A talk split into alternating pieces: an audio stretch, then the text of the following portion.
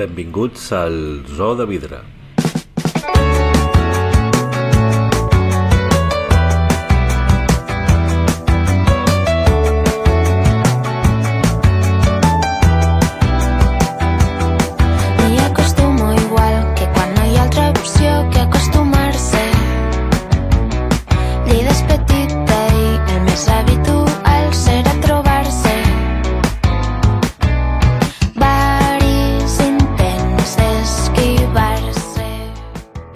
Perdut el compte del nombre de premis que, com a actor de teatre, té Pere Arquilloé. És dels pocs que amb el seu nom omple platees i, sobretot, és dels pocs que sap passar d'una comèdia espaterrant com 53 diumenges a un text tan especial com el cos més bonic que s'haurà trobat mai en aquest lloc. Escrit per Josep Maria Miró i dirigit per Xavier Albertí. Sap que té una responsabilitat i no la defuig. Escoltem-lo.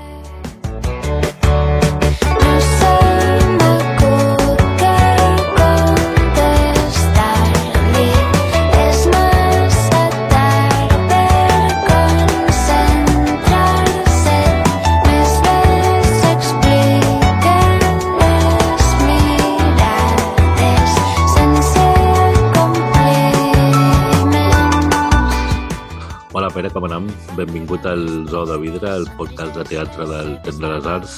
Jo fins ara preguntava com va la pandèmia i tota, tota la història aquesta que hem viscut, però ara jo crec que per lo primer, sí com a per trencar en gel, eh, te podria preguntar si tens por.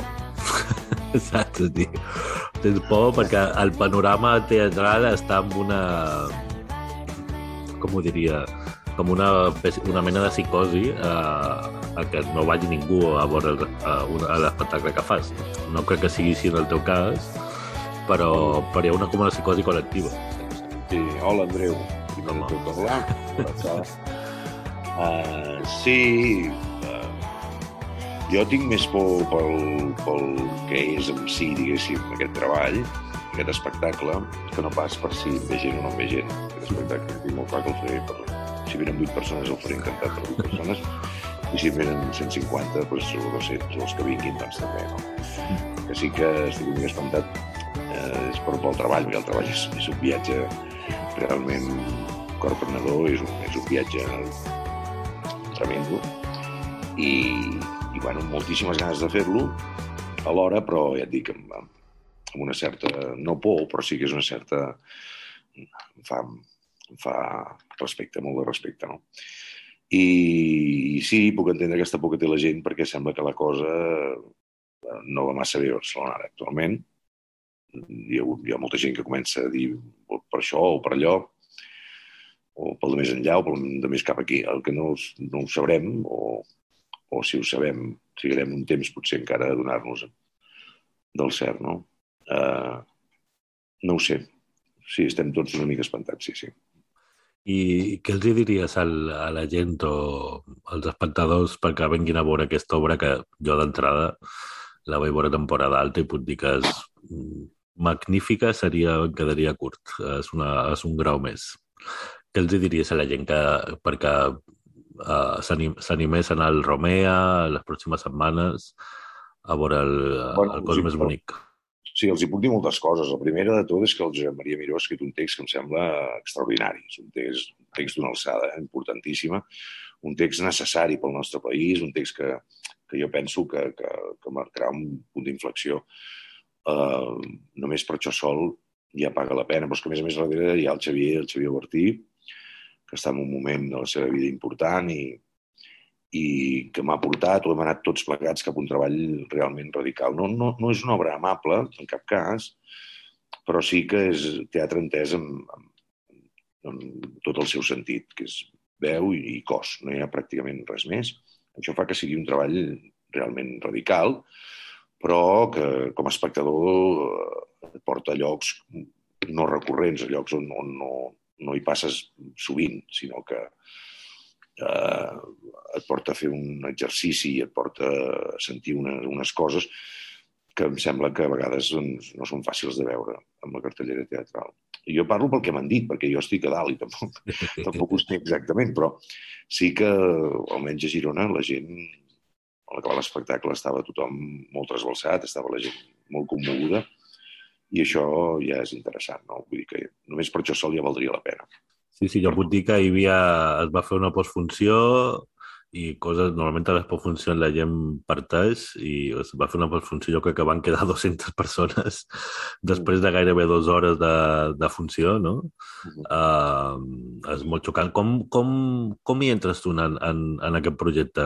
És dir, et truca el Xavier, et truca el Josep Maria... Em van trucar tots dos, sí. Primer em va trucar el Josep Maria i em va passar el text. El text, quan jo el vaig llegir, va, a mi em va trasbalsar profundíssimament. Em va trasbalsar molt. Jo vaig veure de seguida que allò que és un text que parla de moltíssimes coses i, i des de l'ara i aquí, encara que passi una, una petita comunitat rural, però està per, és una obra és universal en aquest sentit, vull dir, uh, pot ser qualsevol poble del món i, i aquesta idea darrere que hi ha d'expiació, aquesta idea que hi ha al darrere del perdó, de la culpa, del, del desig, a vegades tan mal entès, doncs em va commoure moltíssim i m'ha trasbalsat. Uh, jo el primer que vaig fer també és espantar-me, perquè evidentment el jo vaig, vaig saber de seguida que era molt, era molt gros, era molt gran en tots els sentits, no?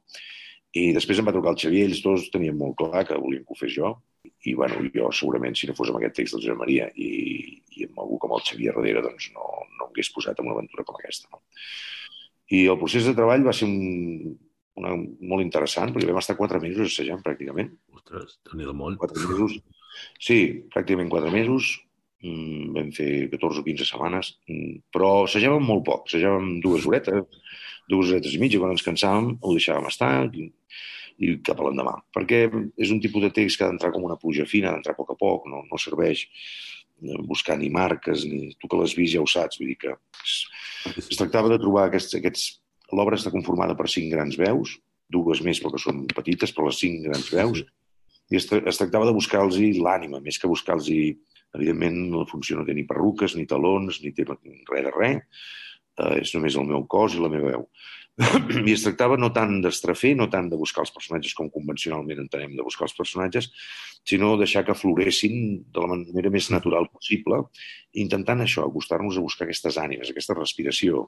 Més que la veu, buscar respiracions, i més que personatges, buscar ànimes. No? I aquí això demanava un cert temps de, de, de calatge a poc a poc, de que anés de pluja fina, d'anar entrant a poc a poc, a poc a poc, a poc a poc, i així és, és com ho vam fer. Uh, ha sigut una experiència per, per mi collonuda, extraordinària, no? I, a més a més, tot s'ha juntat una mica, perquè penso que també estic, estem, estic o tu que ets gairebé de la meva generació, ets una mica més jove, però uh, estem en un moment on, on uh, això deixen de ser reptes per convertir-se en una altra cosa, no? Això no és un repte en si, sinó es converteix en un treball que et fa avançar, que et fa plantejar coses noves i que, i que fa collar cargols i visos en el motor, fa que tot tornar-lo a ajustar, engreixar-lo bé. Vull dir que no és només, dius, ui, que és un, un viatge molt bèstia que ho hem posat a molts llocs i és veritat que és un viatge molt bèstia, però va una mica més enllà. No, no és només un repte a nivell, a nivell de, de, de, de quantitat de text o de, o de fisicitat o d'emocionalitat, sinó que va una mica més enllà. No?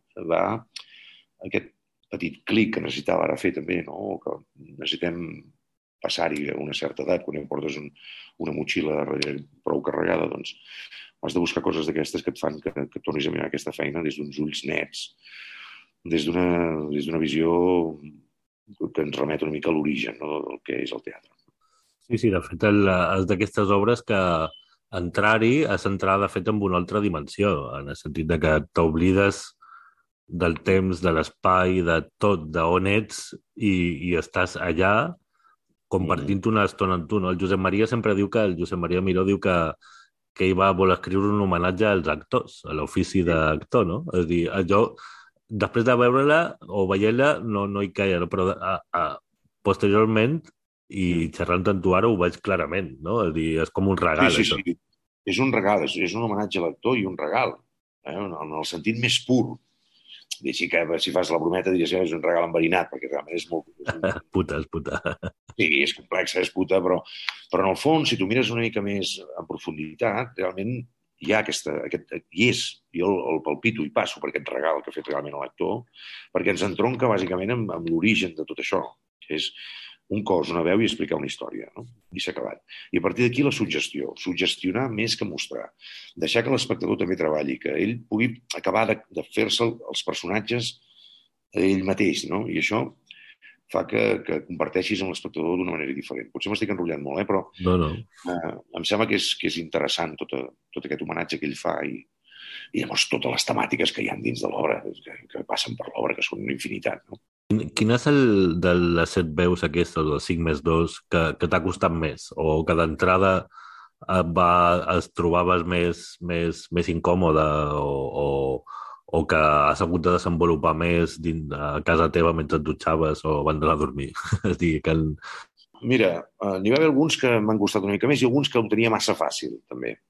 Vale? Perquè jo soc, soc com el Josep Maria, soc de poble, i una de les coses que també em va frapar molt d'entrada és que vaig entendre molt bé tot aquest codi, el codi de, de què Sí, parla, sí. i els personatges jo els he conegut des de que era petitó, aquests personatges, amb diferents cares, diferents veus, que Josep Maria, evidentment, però jo els he conegut a tots, aquests personatges. I clar, això va fer que uns se m'allungessin una mica, potser, però els altres els tenien massa propers. I el Xavier va dir, ui, ui, cuidado, perquè aquí ho tenim massa... Saps què vull dir? Ens anem Sí. massa... Sí, sí. Llavors, eh, és curiós perquè van i venen els personatges. Van i venen. La Júlia, la professora, va ser de les primeres que vaig trobar i ara aquests dies estic una mica així perquè és la que se m'ha escapat una mica més, per exemple. No? Vull dir que és curiós perquè quan dic que entronca amb l'origen del teatre passa una mica això, que quan més gran et vas fent te n'adones que els personatges no són teus. Els personatges tenen com una vida pròpia, ells, Sí, sí. i llavors decideixen quan venen i quan se'n van. És una cosa molt curiosa, però és així. Ja ho sé que pot semblar un tòpic, o... però eh, és, és, realment és així. A vegades hi posaràs allà tota l'energia per fer un personatge i tal, i aquell, allò, aquell no ve. I en canvi un altre dia estaràs tan tranquil, no hi pensaràs tant i apareixerà sol. No? Vull dir que en aquest sentit hem anat i vingut molt amb els personatges. No? no personatges, amb aquestes ànimes, amb aquestes veus, amb aquestes respiracions. Eh? Hem anat i ving, vingut molt. Un, un actor com tu, que té una llarga carrera, que has participat en, molt, en moltes produccions eh, reeixides, considera que, té un, que té, quan puja un escenari ara mateix té una responsabilitat? En el sentit de que, mm, és dir, si fa dramaturgia catalana, per exemple, o es posa les ordres d'un director més jove, tu ho has fet amb l'Elisa Gorina, per exemple, és dir, o fa un tipus de text que en principi no és molt popular, però segurament si ho fas tu la gent t'ho anirà a veure. Et trobes amb aquesta, amb aquesta responsabilitat? Sí, i no només aquesta responsabilitat, eh? tot el que has dit és cert, tot el que has dit és veritat. Aquí hi ha dues coses. La primera és que gràcies a tota aquesta trajectòria tan llarga i això, doncs, sembla que hi ha molta gent que em fa confiança. Per tant, més o menys, no et diré que sempre ni molt menys, però puc fer no tampoc el que vull, però una mica sí de manegar per, per temporades llargues més o menys el que em ve de gust. També és veritat que a vegades faig comèdies, on el tomàquet acabo de fer no fa massa, vull dir que... I també m'ho passo estupendo i la comèdia tampoc és tan senzilla com la gent es pensa, vull dir que... No, no, no. Són obres més transversals, que doncs, puc tenir un públic molt més obert, més, més ample, no? I la responsabilitat passa per aquí, perquè realment vull estar allà amb, el amb, el amb els textos catalans, en poder treballar amb tot tipus de directors i directores, sobretot, ara m'interessen molt. M'interessa molt la gent jove, m'interessa poder treballar eh, amb tots els estrats i, totes les, i intentar doncs, donar tot el, el que jo pugui eh, al màxim de gent possible. Tu em coneixes una mica i saps com soc. I que, Sí, sí. en aquest sentit no, no sóc gens no, no sóc gens raro, diguem-ne raro per dir alguna cosa, però ja saps què vull dir.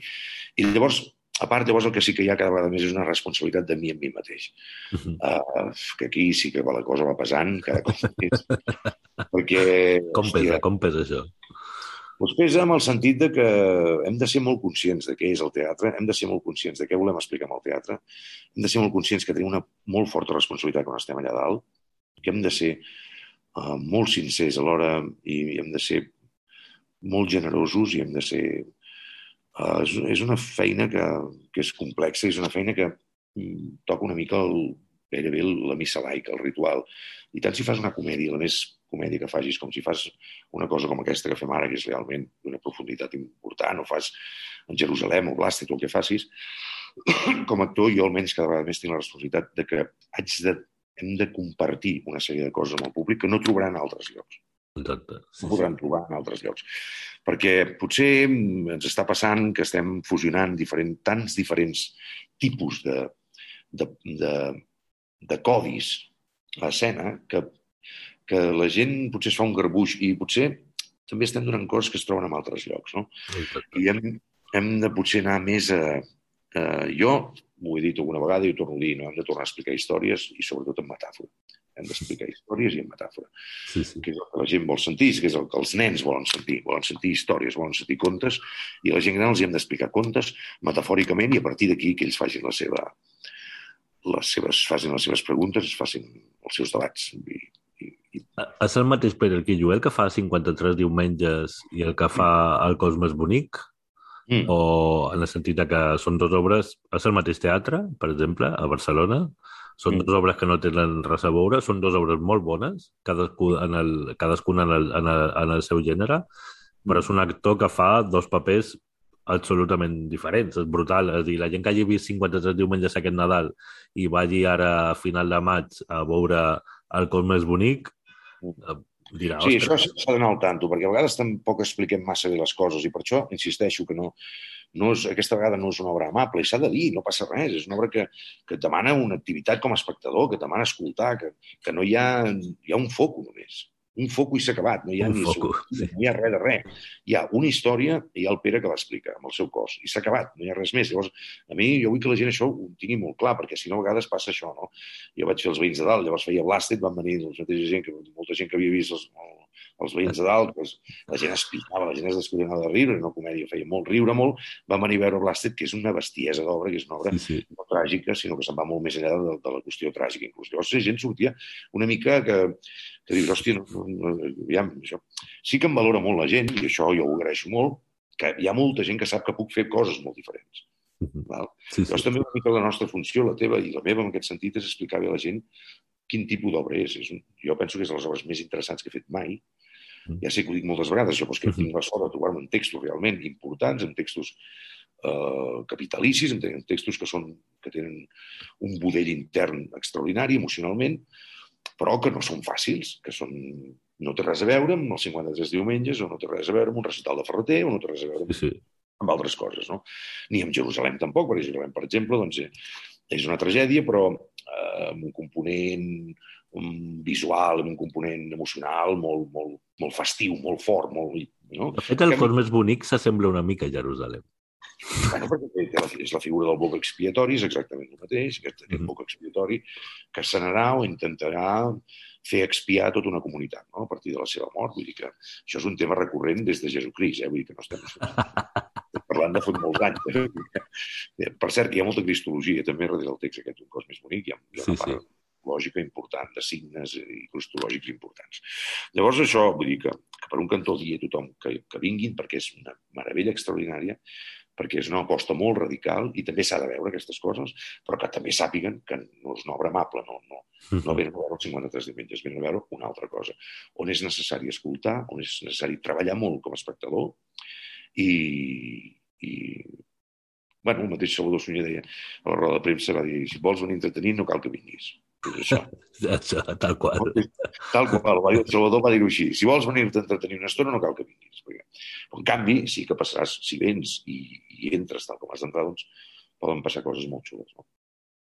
Uh, ja l'últim que volia demanar, mm, em sobta que no, no hagis dirigit uh, res encara. Ui, és que... Sí, Perquè té ja- les, ide té, les ide té les idees molt clares. En el Sí, no, que...